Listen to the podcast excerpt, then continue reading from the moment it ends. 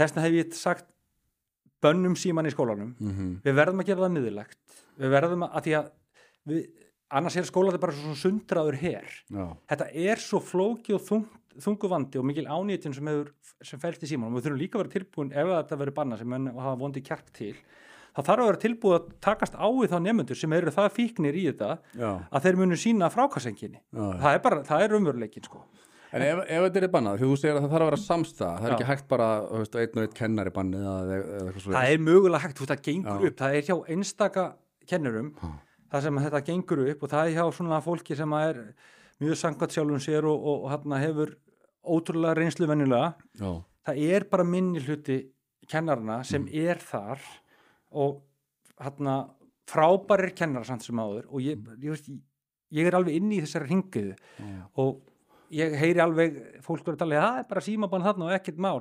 Það er velið að gangi upp hjá einhverjum og einhverjum.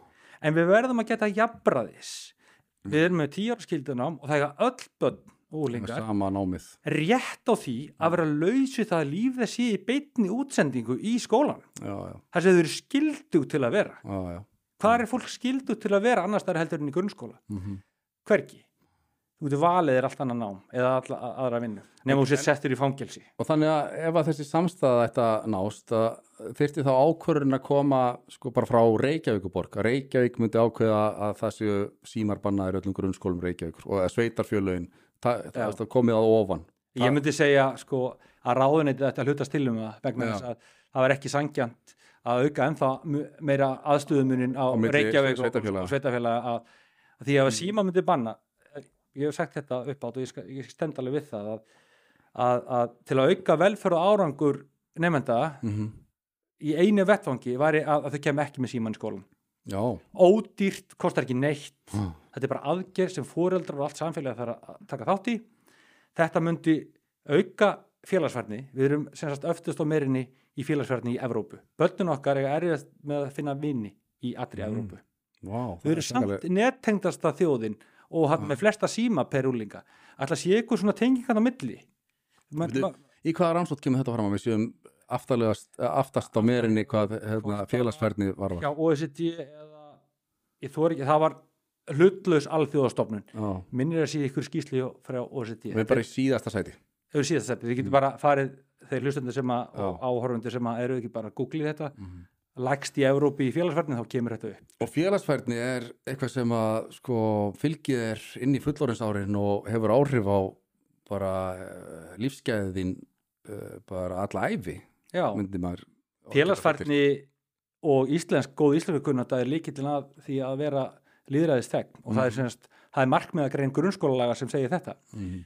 ef þú ert flinkur í félagsfærni þá munu þá aukast líkur á hérna, lífsgæðum og tækifærin munu svona hellast yfir þig vegna þess að fólk sem er flinkt í félagsfærni það laðar að sig annað fólk. Mhm. það les salin, það er ekki endalast í ykkurum útistofum eða, eða ágreiningi. Það er fólk sem þú vilt vera með hefur góða nerveru, Mm við þekkjum öll svona fólk og löðum staði Algjörlega. Og okkur langar að vinna með svona fólki. Við Mhm. bendum á þetta fólk og mælum með því. Mm -hmm. þetta, við erum verst í þessu í Evrópu. Mhm. það er engin umræð um þetta í, í menta hérna samfélaginu. Og þú myndir segja að banna síman í grunnskólanum væri uh, pottjætt ávísun á að auka félagsfærni barna. Já, mm það að, það að taka þessa breytu út að þau myndu þurfa að breyta hegðun sinni þannig að þau þurfa að tala hvert við annað. -hmm.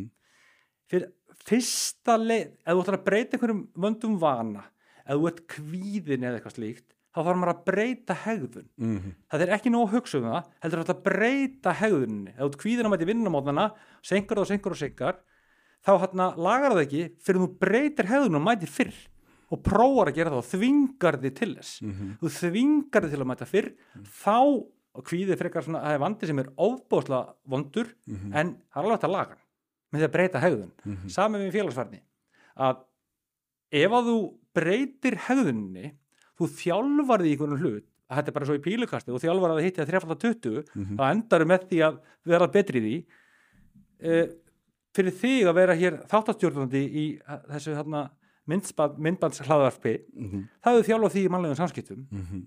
e, fyrir mig að vera skólamaður og tala við fólk allan daginn, það þjálfa mig, mig líka í félagslegum samskiptum ég myndi reka mig fljótt á veggi ef ég væri ekki þokkalegur í þeim mm -hmm. En ég, það kannski sem háir mér kannski stundum er það að, að ég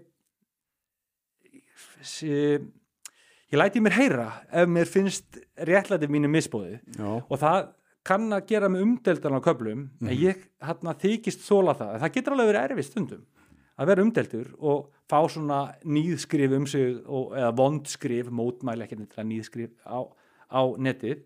En ég gera það vegna þess að ég einlegni trúi í því það sem ég sé að tala um það skiptir svo miklu máli fyrir börn og ungmenni